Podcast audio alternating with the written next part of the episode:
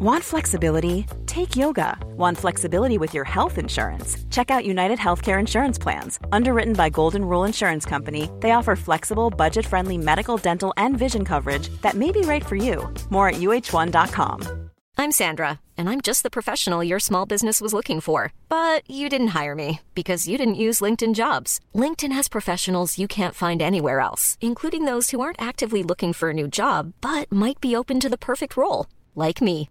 In a given month, over 70% of LinkedIn users don't visit other leading job sites. So if you're not looking on LinkedIn, you'll miss out on great candidates like Sandra. Start hiring professionals like a professional. Post your free job on linkedin.com/people today.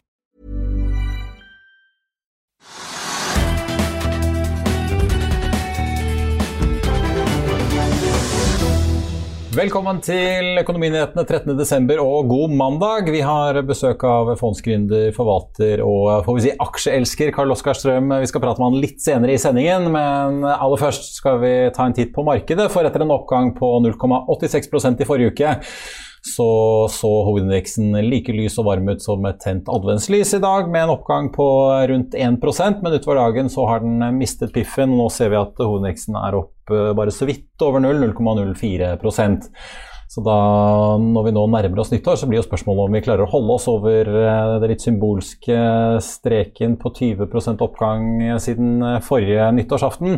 Vi ligger nå opp rundt 21,5% for året. Nordsjøoljen har eh, mistet nesten en dollar eh, i pris siden eh, fredag og ligger på nå rundt 74,80. Det er stort sett grønt oss rundt på børsene i Europa, og futuresene på Wall Street peker mot en god start der etter oppgangen vi så på fredag. Av nyheter i markedet i dag så er det verdt å merke seg at Seam Offshore er opp rundt 6 etter nyheten om at de har inngått en ny kontrakt i Sørøst-Asia. Seadrill melder om nok en kontrakt med Petrobras i Brasil, denne gangen knyttet til Buzios-feltet for boreenheten West Jupiter. Den kontrakten har en verdi på drøye 260 millioner dollar, og aksjen har sust opp over 15 i dag.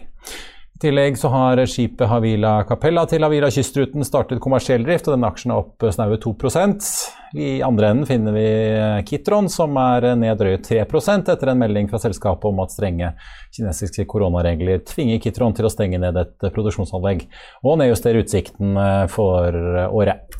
Aksjelutions er også litt ned i dag. Selskapet meldte likevel om en, det som i hvert fall kan bli en kjempekontrakt for selskapet. De har nemlig fått en såkalt FID-avtale med Aker BP, altså for innlede ingeniør- og designarbeidet for både King Lear-feltet og en ny plattform på det store Valhall-feltet til Aker BP.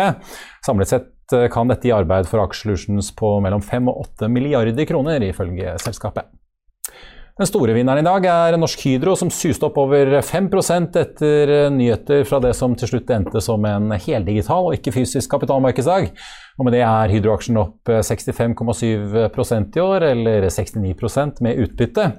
Og apropos utbytte, en av de store nyhetene i dag var nettopp det. Og la oss se litt på de hovedpunktene som konsernsjef Hilde Merete Aasheim og co. kom med i dag i deres plan mot 2025. Det blir jo nå et eh, utbytte på mellom 70-80 av justert resultat etter skatt i 2021. Tidligere så har Hydro lagt seg på en linje med minst 50% utbytte av netto justert resultat og et gulv på 1,25 kroner. Hydro beholder også eh, avkastningsmålet sitt Eh, på anvendt kapital, altså ROASen som det så fint heter, på minst 10 eh, Ellers så slenger selskapet også på et nytt eh, klimamål. Tidligere har de jo sagt at de skal kutte 30% innen 2030. Nå sier de at de også skal ned til netto null enten i 2050 eller litt før tar også med at eh, Hydro nå sier at de ønsker å børsnotere fornybarvirksomheten sin Hydro Rein i 2022. Tidligere var det snakk om 2021, så der ligger man litt bak eh, skjemaet. Ellers så signaliserer Hydro også at batterisatsingen deres eh, skal at i batterisatsingen deres skal investeres mellom 2,5 og 3 milliarder kroner innen 2025. For hydrogensatsingen Havran så snakker man også om at det skal satses, men man er ikke så konkret på når den enheten kan bli eh, børsnotert. I første omgang så skal Hydros eh, hydrogenvirksomhet eh, satse på prosjekter i Årdal og ved pressverket i Vetlanda i Sverige. Tar også med på tampen at Hydro venter fortsatt god vekst i aluminiumsmarkedet, særlig da etter bearbeidede aluminiumsprodukter utenfor Kina, som ventes å øke med 4% årlig frem til 2030. Ellers så ventes også eh, produksjonen av resirkulert aluminium å øke med 5% i året frem til 2030. Etter en mangeårig karriere i meglerhus som Handelsbanken, Fondsfinans, Nordnett og nå sist Pareto, så har dagens gjest altså kastet seg ut på dypt vann og startet for seg selv.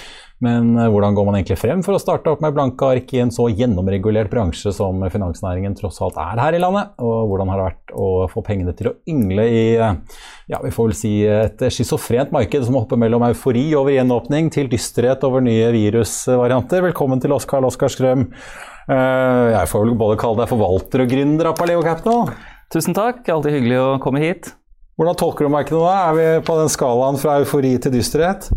Du er jo litt eh, på begge steder, egentlig. Det er litt som du sa i innledningen her også. altså Oslo Børs startet opp 1% men hvis du ikke var long fra i går, altså hvis du ikke hadde kjøpt på fredag, så fikk du ikke mer enn den prosenten, for det åpnet opp 1 ja. ikke sant? og nå er det snart i null igjen. Så har man kjøpt i dag, så har du hatt minus 1 så, så, så det er litt sånn i markedet at, eh, at eh, det er Indeksene ligger på ganske høye nivåer, stort sett. Eh, noen av de europeiske har vært røftlig flate siden jeg startet opp, egentlig.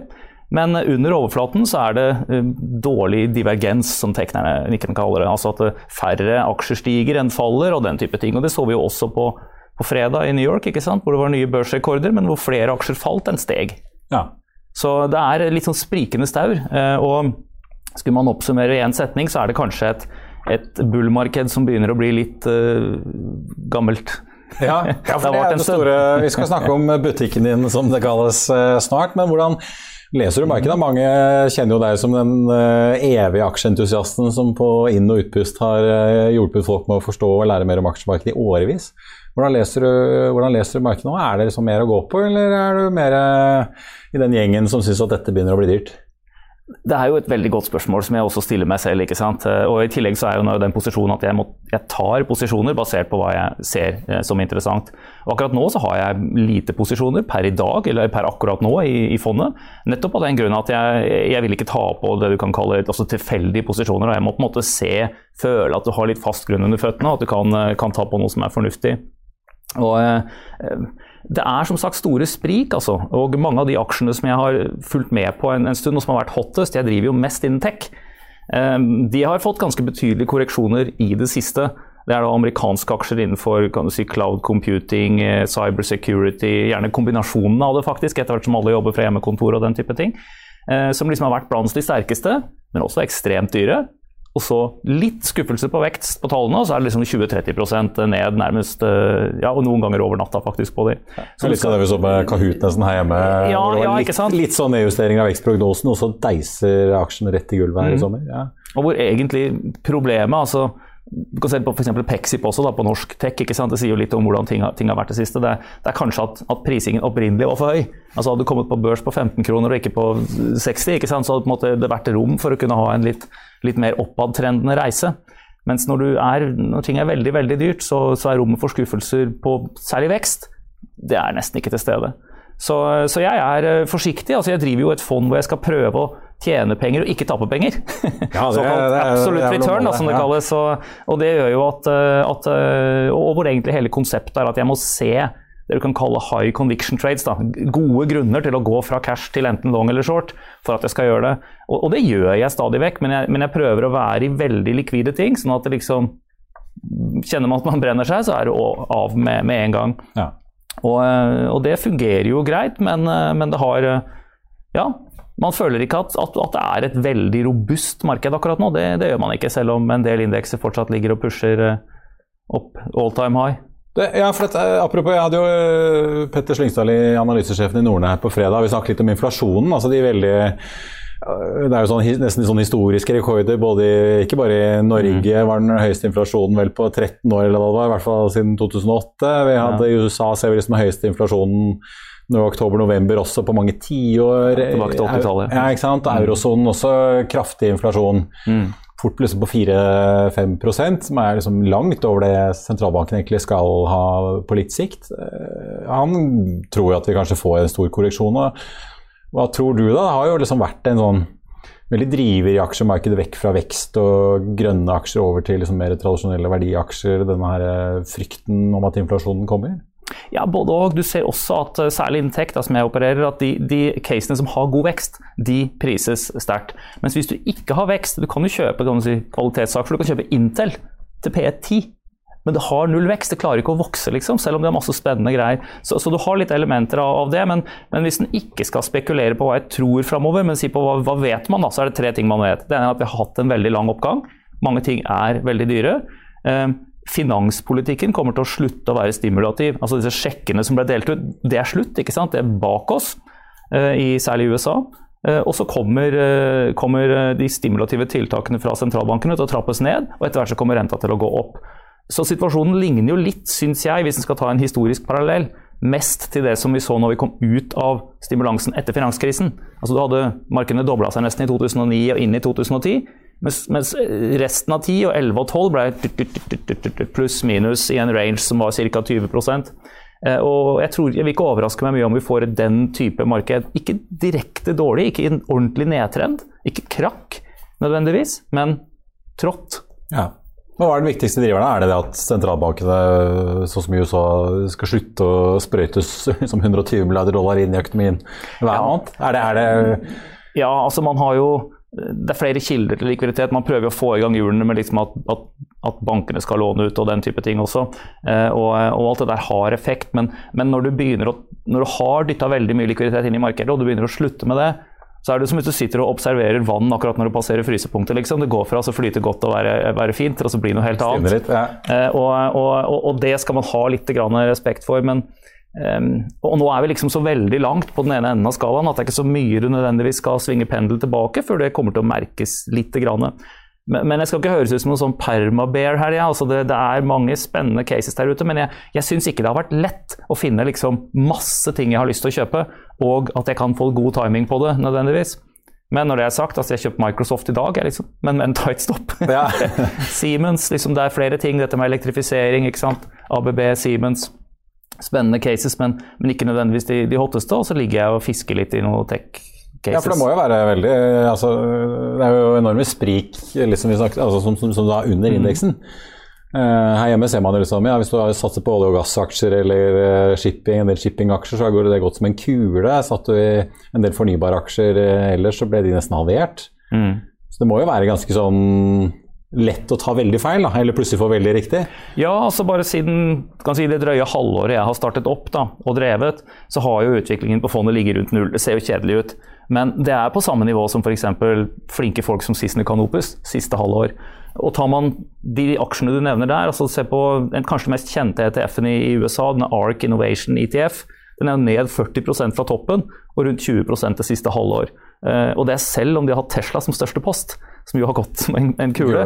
Og Det sier jo nettopp litt om at liksom den underliggende bredden av selskaper har uh, korrigert ganske betydelig tilbake. Så kan man selvfølgelig være optimist og si at da er det jo rom for at de kan liksom slutte å falle og begynne å stige igjen. Og Det er ting som man som tekniker begynner å kikke litt på. Men det er ennå Hvis du ser på lignende fall historisk, så har de pleid å være enda større. Og det er enda et stykke ned du skal før det er liksom billig ja. i den type selskaper. Er det noe som noen sier er, som det er dyrt i aksjemarkedet, men alt annet er dyrt òg? Ja, ja. Det, er jo, det, er jo, litt sånn, og, og, man kan finne ting som er billig, men, men sånn som på Oslo Børs, en av mine favoritter der er jo liksom Nordic Semiconductor, kvalitetsselskap innenfor, innenfor halvledere. Jeg ser på mange halvlederselskaper ute. Men sammenligner du med f.eks. det største i Europa, da, ASML, er jo, som er liksom ganske likt på vekst og ganske likt på ja, en del andre parametere, men det er halve prisingen. En mye mer likvid, mye større selskap. Så, så multiplene er liksom voldsomt høye på en del ting her. Jeg, jeg, satt i helgen og kverulerte litt på Twitter. Sånn er det når man sitter på hytta med han, eh, Thomas Nilsen i First-fondet. ja. Han la ut noen ting, og så begynte jeg å regne på det. og Da kan man jo hente fram god gammel finansteori, Grahams formel, ikke sant? for å prise vekstaksjer. Og legge inn kan du si, parameterne på Tomra i den. Da skal du få en aksjekurs på 300. Da er den 620. Så liksom det, Vi er litt uh, et stykke opp i lia, det er man. Here's a cool fact. A crocodile can't stick out its tongue. Another cool fact, you can get short-term health insurance for a month or just under a year in some states. United Healthcare short term insurance plans are designed for people who are between jobs, coming off their parents' plan, or turning a side hustle into a full time gig. Underwritten by Golden Rule Insurance Company, they offer flexible, budget friendly coverage with access to a nationwide network of doctors and hospitals. Get more cool facts about United Healthcare short term plans at uh1.com. I'll see you in court. Vi sier det ofte litt på spøk, men for deg som driver business, er det aldri moro å innse at du ikke har laget en 100% gyldig kontrakt. Du bør ikke risikere hele firmaet ditt fordi du synes dette med kontrakter er litt stress. En avtale er ikke en avtale. Du kan miste kunder, miste venner, ja, til og med miste inntekter om du ikke lager en skikkelig kontrakt, på alt mulig, egentlig. Men vi vet det er et styr. Kopimaskiner, tregprinter og haugevis av papir. Dessuten stoler vi jo på folk her i landet. Det er ofte litt kleint å skulle be om en signatur for alt mulig, ja, for mye av styret handler også om jakten på underskriften. Det finnes en enkel måte å løse dette på, Dukkobit, en trygg, effektiv og get this, gratis måte å sikre seg en god natts søvn pluss en juridisk bindende avtale. Dukkobit-appen har de strengeste sikkerhetskrav i bunn, samt en EU-godkjent og sertifisert teknologi. Framover vil det bli behagelig å spørre du, skal vi skrive under på det, eller? Kom i gang på dukkobit.no. Men Vi må snakke litt om dette fondet ditt. da. Først og fremst, eh, Hvordan var det du fikk ideen til å starte for deg selv? Har jo, alle har lyst til det. Eh, og, eh, eller alle har kanskje ikke lyst til det, men uh, å noen, det, har, har hatt lyst til det. Og det morsomste man kunne gjøre egentlig i bransjen, er jo å sitte og ha um, et, et riktig mandat, og så handle inn i, eh, i sektorer man følger med på og er nysgjerrig på hele tiden allikevel. Og så hadde jeg egentlig en periode i, for et års tid siden hvor jeg tenkte at ok, hva kunne vært gøy å gjort? Det ene er utgi en bok. Og jeg liksom får dratt igjennom måten jeg tenker på i markedet i langformat, da, som det kalles. Så det blir en 300 sider. Eh, og det andre er å, å, å starte et fond hvor jeg da skal gjøre dette her. Eh, så startet jeg en prosess, og så egentlig vært at alle puslespillbitene lå på bordet. Eh, jeg tror ikke jeg kunne gjort det for fem eller ti år siden. Det ville vært for dyrt, rett og slett. Mens nå fins masse av disse det du trenger som tjenester. Og jeg fikk da satt opp et, et opplegg som var eh, bra, og som nå er robust, og som jeg kan vokse videre på i, i mange år framover. Er det bare deg, eller har du ansatt folk? Jeg har ikke ansatt noen ennå, så det er bare jeg som tar posisjonene. Eh, Jeg har eh, eksterne folk i styret, jeg har forretningsfører som gjør regnskap og den type ting. ikke sant? Man har meglere, man har oppgjørspartnere, så, så, så det, er et, det er et system rundt. Men eh, i Paleo Capital så er det bare jeg som jobber nå, og jeg må ha ja, tre- to-tre ganger kapitalen i hvert fall, for at du skal kunne lønne en til.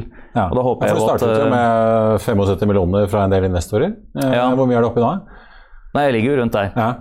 Så, Er det, er det så vi sånn- har, eh, vi åpner, Dette er jo liksom sånn det er regulert på, sant, etter, etter EU-regler, egentlig, som bare Norge har implementert i òg. Så fondet er åpent hver 13. måned. Så neste er i, i mars-april, eller 1. april liksom, da neste år, hvor jeg kan, da kan det gå penger ut og inn igjen. Ja.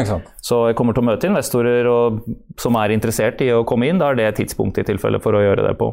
Ja, for, fortell litt om det. Altså, hvor, eh, hvor mye tid må du bruke på liksom, det der å møte investorer?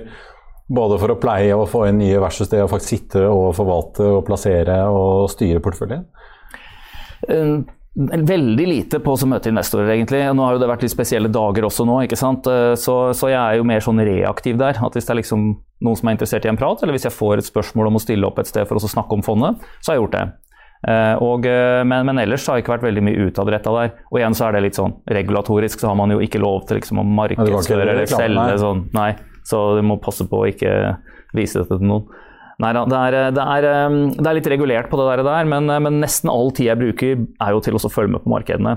Faktisk så har jeg måttet begynne å styre dagen min litt for å kunne drive med mer du kan kalle intervalltrening. I stedet for å sitte, altså sitter man Jeg skrur på maskinen liksom 7-8-tiden om morgenen, og så stenger er det etterbørs i USA fram til 11. Det blir for mye. Ja, du kan ikke bare sitte liksom, eh, Nei, låst og, foran, nei. og dagen går jo i litt sånn faser, ikke sant. Hvor, eh, hvor det er aktivt marked fram til lunsj i, i Europa, og så skjer det egentlig ingenting sånn fra 11 til 2. Da begynner amerikanerne å komme på jobb. Kommer det nye nyheter og sånn derfra, så ser du likviditeten tar seg opp. Så, så man fokuserer på kan du si, være aktiv og handle i de aktive periodene, og så drive mer research og andre ting utenom det. da. Du skal ha litt struktur på dagen. Ja, man, eh, man merker det er behov for det. Er det- liksom, fortell litt, men bare fortell litt om prosessen. da. Ah, Hvordan eh, Er det liksom en sånn, sånn bunke med skjemaer du må sende inn til Finanstilsynet og Ja, for å få registrert et sånt Ja. fond.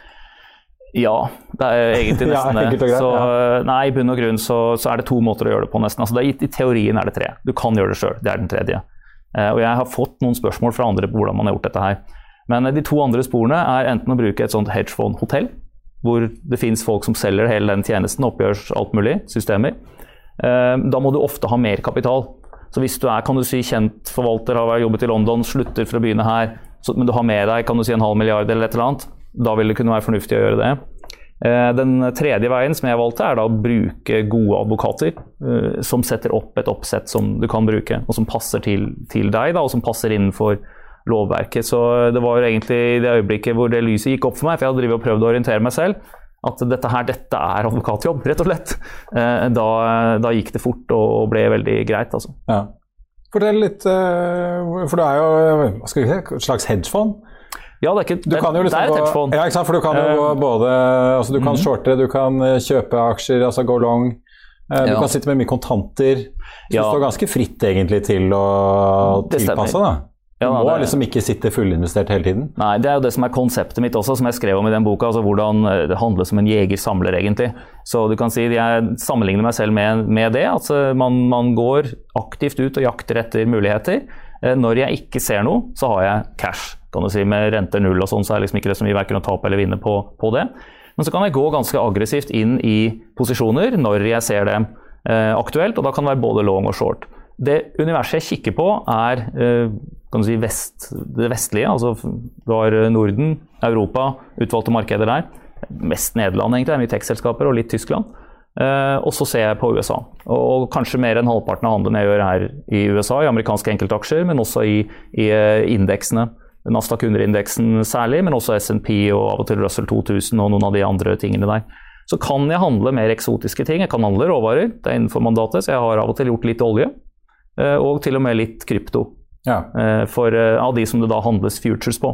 Så jeg gjør alt egentlig hvor jeg kan ha Chicago-børsen som motpart, da, og ikke en krypto-exchange et eller annet sted. ja, ikke sant. Du, Så- du tar imot Så, så meningen er å ja. som sagt, styre risiko veldig tett, eh, og å være i likvide ting. Og sånn sektormessig så fokuserer jeg jo mest på tech, men jeg kan gjøre ting i andre ting. Jeg følger med på, liksom, du nevnte Hydro, aluminiumaksjer, metallaksjer ute, oljesektoren selvfølgelig, liksom, som, som man har her fra Norge. Men, eh, men jeg syns jo tech er mest spennende, og, eh, og eh, det er det jeg ser mest på. Ja. Hvor mye kan du sitte med i en posisjon? Liksom, noen har jo gjerne tak på at uh, 5-10% av fondet kan være i en enkelt uh, post. Ja. Liksom. Har du, har Jeg har, du sånn harde tak? Jeg har lagd opplegget litt annerledes, sånn at jeg, jeg styrer det til risiko, egentlig. Og så lenge du er i veldig likvide ting, så går det litt på Jeg kan godt ha en ganske stor post hvis, uh, hvis det er veldig likvide ting jeg kan ha en tett stopp på, eller sikre på en annen måte. Men kort fortalt, egentlig, så er det jo veldig Jeg kan ha hvis det er en litt lite likvid aksje, så har jeg en relativt liten post. Eh, Er det veldig likvid aksje, sånn som f.eks. Microsoft, så kan jeg ligge mellom 5 og 7% av fondet. Eh, Er det i indekser, eh, og da ta Index Futures, la oss si f.eks. Nasdaq 100 eller den svenske OMX-en eller tyske Dachsen, så kan jeg ligge ja, på de europeiske opp til 20-25 av fondet, kanskje. Jeg har ikke noen begrensning på det, egentlig. Mens på de amerikanske, som er ekstremt likvide, eh, 100-200 Ja. kanskje. Så, så det sier jo også litt om ja, fordi du har giret opp, altså? Ja, eller altså du Én kontrakt på Nasdaq 100-futuren er 2,5 millioner, så kjøper du altså 30 kontrakter, og så er det 75 millioner. Så liksom det er Og det gjør du sånn. Mm. Så uten å flytte prisen i det hele tatt. Eh, Så, så det, er, det er fantastiske verktøy man har fått tilgang til. Men blir, du, blir du eh, nervøs, liksom? Når du kan eh, i teorien Nei, to klikk, sånn og så kan du være eksponert for hele fondet sånn? Eh, Man skal vite hva man gjør. Eh, Man skal det. Og, eh, og, men det er jo også slik at si, fordelene med et produkt eller en tjeneste ofte, kan også, være ulempene. ikke sant? Så, så dette her er, gjør jo at man kan gå veldig tight ut og inn. Men det er også en del svingninger i det, så det er fort gjort å bli, bli vipet ut. Så når jeg satt på, på fredag f.eks., så satt jeg før vi skulle på hytta. Jeg satt og så på maskinene før jeg dro, og da var det akkurat det siste som hadde skjedd, var at Nasdaq-aksjene, altså indeksen, tok ut egentlig dagens bunner. Så den gikk liksom det laveste den hadde vært. Eh, Men det svingte sånn, så som en sånn hjertepasient, egentlig. Eh, Og, eh, og jeg tenkte her blir det helt random. Jeg orker ikke ha noen posisjoner mens jeg sitter og ikke kan se på skjermen. Så kommer man fram på hytta, så ender det opp 1 Ja, Men det kunne like gjerne, jeg hadde ikke blitt noe mindre overraska hvis det hadde vært ned 1 Ja. Eh, og eh, de europeiske børsene som åpna med et sprang liksom tirsdag, etter at det gikk mye i USA, de har falt tilbake til omtrent utgangspunktet. Så liksom, det er ikke noe sånn høyvannet løfter alle båter nå. Eh, tendens i markedet, selv om jeg tror vi får en bra årsavslutning. Og jeg ser etter ting å ta på egentlig nå for å, for å dra litt nytte av det. Du satser på at hovedveksten ender opp over 20% i år? Ja, altså det ser jo relativt eh, sprekt ut, selv om også her så er det jo mye av de store selskapene som liksom altså Det er stort sprik da, hvis man sitter og ser, så på det i, i dag før det begynte å falle tilbake. altså Da var det ni av topp 20 selskaper som var i minus i dag, og ett som var i null, og ti som var i pluss, liksom. Så det er sånn og, og gjerne det motsatte av det som var dagen før. Det er derfor man sier til småsparere at kjøp indeks. Ja, ja, indeks er alltid bra, det er klart, men, men det er også sånn I indeks tar jeg mye større poster. Så selv om det liksom er den, du kan tåle svingninger på noen prosent i en enkelt aksje, så kanskje bare er 0,2, 0,3, 0,1 i, i noen av indeksene, men da kan man prøve seg flere ganger i stedet. Prøve å få med seg noen gode drag opp. Karl Oskar, på, til slutt. eh, Jeg spurte deg før du kom på. eh, Du må fortelle om din beste og verste investering så langt, da. Hva er den beste, for å begynne med det hyggelige? Ja, nei, altså det, det kan være litt spennende, faktisk. Eh, Fordi det er jo enkelt. Altså det, det jeg har tjent og tapt mest på i kroner, har vært indekshandler, fordi de har vært mye større. Eh, Men det er jo ikke så spennende, ikke sant? Som, eh, fordi det er liksom litt uangripelig for, for folk. Men, eh, men på enkeltaksjer så er kanskje den jeg har gjort mest i, av, i forhold til størrelsen på posten, er Unity Software i USA. og Unity er jo et program som sønnen min bruker å programmere i. Så han, han var veldig oppdatert på når de kom med nye releaser, og, og de, om det var bra eller dårlig. og litt sånne ting. Du hadde en sånn fagkonsulent du kunne spørre? Så, at, mm. så sa jeg jøss, ja, men er ikke det selskapet notert? Så begynte jeg å se på det, så så jo chartet knallsterkt ut. Og så liksom kjøpte jeg det, og så fikk jeg en fin runde. Så, men jeg, jeg hoppa av den før tallene. Uh, og så har den vært siden både opp og ned, så jeg sitter Ja, før eh, altså? Ja, ja, ja. Så, så, så, men det er et spennende selskap. Det er midt i det der metaverse-greiene. Man bygger sånne verdener på, på internett. Så, eh, og 3D-modellering av både det ene og det andre, rigger og whatever som du kan, du kan bruke dette programmet til. Men eh, det er et av de selskapene som er kan du si, i kategorien høy vekst. Veldig fremtidsretta, men har vært der en stund. Ganske likvid aksje. Spennende å handle i. Ja. Hva er det sure eplet så langt, da? Nei, jeg har Jeg klarte å forville meg inn i, inn i eh, Multiconsult en gang, faktisk. Nå er ikke det nødvendigvis noe sånn fryktelig dårlig selskap, men det sier jo litt om, om også dette med at Jeg prøver Altså å unngå konsulent- og ja, det norske. Multiconsult, ikke sant? som er jo tross alt et av de større selskapene her også. Og så hadde jeg kjøpt, det var rett før det skulle liksom inn i hovedindeksen, og litt forskjellige sånne ting, så hadde jeg tatt en post på 10 000 aksjer for 2 millioner kroner. da. Så begynte markedet å bli litt surt, tenkte jeg skulle ut av dette her, her igjen. Prøvde å legge noe i markedet, du ser bare alle bids forsvinner med en gang. Så jeg ringte og snakka med altså, de tre største meglerhusene på Oslo Børs. Sa liksom Kan dere ta 10 000 med multikonsult? Nei. Til slutt, så, til slutt så var det noen som kunne kjøpe det. Det tok meg to dager å komme ut av eh, liten, altså, relativt liten post her. da. Så jeg driver jo et fond hvor jeg liker å kunne være sånn at hvis jeg skal ut av noe, så så Ja, for Du snakket snakket jo liksom. om den likviditetseffekten, så Ja. særlig det å være i USA. Det, ja, det er klart Hvis du bruker, man bruker to dager på å bli kvitt eh, to millioner kroner i aksjer i et Ja. selskap, så er det kanskje det er Alternativet var å flytte kursen enda 5% ned, liksom. Og det, det har man jo ikke fryktelig lyst til. Men eh, nei, så jeg prøver å være så, i hvert fall i den fasen vi er nå, å være eh, så likvid som mulig. eh, Men ikke redd for å ta posisjoner. Men jeg må jo først se noe. Liksom, det er som en jeger, du må, du må først se noe for å så kaste spydet eller trykke på, på avtrekkeren. Eh, og eh, Av og til ser man bare småting, og av og til så ser du den du skal dra til litt, litt mer i. Hvordan reflekterer du over det, da? Altså selv, eh, altså du er jo, altså I fond så er det jo fort mange hundre millioner eller mange milliarder. Så du er jo liten i forhold til mange av disse store fondene som opererer i Norge og Norden og Nord-Europa. Eh, Men selv du kan jo da på en måte påvirke kursen hvis du begynner å vil selge en post. Hvordan reflekterer du over det? Er det en litt sånn rar følelse å sitte der og vite at uh, hvis jeg faktisk vil selge noe, så, så tanker den Multiconsult f.eks. Enda, enda mer? Ja, altså Når man sitter så tett på markedet som jeg gjør, så blir man i hvert fall veldig bevisst akkurat det der. og der, og Det er noe av de tingene jeg ser etter også. ikke sant? Sånn som uh, Forrige uke her så gikk, begynte fiskeaksjen å gå litt opp igjen. Jeg, jeg satt med litt grann i Movi, og det var for så vidt en fin reise i den. Men det jeg så, var at ingen av de andre egentlig gikk noe. Eh, Så det var ikke noe sånn generelt sektorløft. Du fikk følelsen av at de meglerne du pratet med, det var dem og deres kunder, inkludert meg, som var den som dro den, den aksjen opp. Og tenkte ja ja, da skal jeg være litt forsiktig med å kjenne ut sin besøkelsestid. Um, og eh, heller trade litt rundt, rundt den posten. Eh, og, og det er litt den type ting jeg ser etter også. ikke sant? Hvis jeg ser Equinor opp 2% nesten som det var i dag tidlig, men de andre oljeselskapene i Europa er ikke det. Ok, Da er det, det er én enkeltordre ikke sant, et eller annet sted. Det blir veldig random. Mm. Så jeg prøver å, å, se på sånne ting for å kunne se liksom om, det, om, det, er starten på en, kan du si, en sektorbevegelse. da, Du føler du har litt mer trykk. For Hvis du handler bare mot en mer eller mindre tilfeldig ordre et eller annet sted, så er det vanskelig. Karl Oskar Strøm eh, i Paleo Capital, tusen takk skal du ha. Så får vi si eh, en riktig god jul og lykke til videre. Likeså. Ja, det er i hvert fall eh, nok å følge med på. Absolutt. Da skal vi ta en titt på eh, markedet nå på tampen av dagen. Hovedindeksen ligger opp eh, ja, så vidt i grønt, 0,01% til 1185 poeng. Norsk Hydro med kapitalmarkedsdag og nye utbytteløfter eh, opp 4,2% så dermed falt omtrent en prosent tilbake fra den toppen vi så litt tidligere i dag.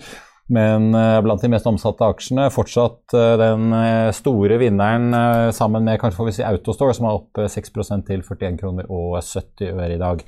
Ellers så er det Seadrill som ligger på toppen over de aksjene som har steget aller mest, med en oppgang på 12,6% etter nyheten om ny kontrakt i si nok en kontrakt med Petrobras i Brasil.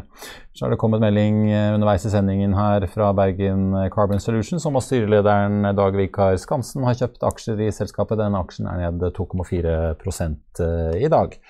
Ellers ser vi på rundt oss i Europa, så er det fortsatt eh, grønt. Oljeprisen er opp 1,2% til 74,90 eh, dollar i spotmarkedet akkurat nå. I Finansavisen i morgen kan du lese at Trygve Hegnar faktisk er enig med SV i noe. Du kan lese om Ola Hermansen i advokatfirmaet Hjort som kaster seg inn i strømdebatten. Og du kan lese om skipsreder Hans Petter Jepsen som får inn britisk Hayfin Capital for å vokse i produkttank. Det var det vi hadde for i dag, men vi er tilbake i morgen klokken 14.30. Takk for at du så på, og så håper jeg vi ses igjen da.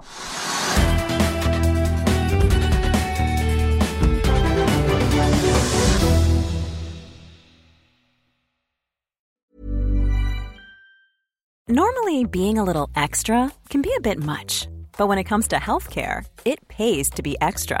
And United Healthcare makes it easy with Health Protector Guard fixed indemnity insurance plans. Underwritten by Golden Rule Insurance Company, they supplement your primary plan, helping you manage out of pocket costs without the usual requirements and restrictions like deductibles and enrollment periods. So when it comes to covering your medical bills, you can feel good about being a little extra. Visit uh1.com to find the Health Protector Guard plan for you. Planning for your next trip? Elevate your travel style with Quince. Quince has all the jet setting essentials you'll want for your next getaway, like European linen, premium luggage options, buttery soft Italian leather bags, and so much more. And it's all priced at 50 to 80% less than similar brands. Plus, Quince only works with factories that use safe and ethical manufacturing practices. Pack your bags with high-quality essentials you'll be wearing for vacations to come with Quince. Go to quince.com slash trip for free shipping and 365-day returns.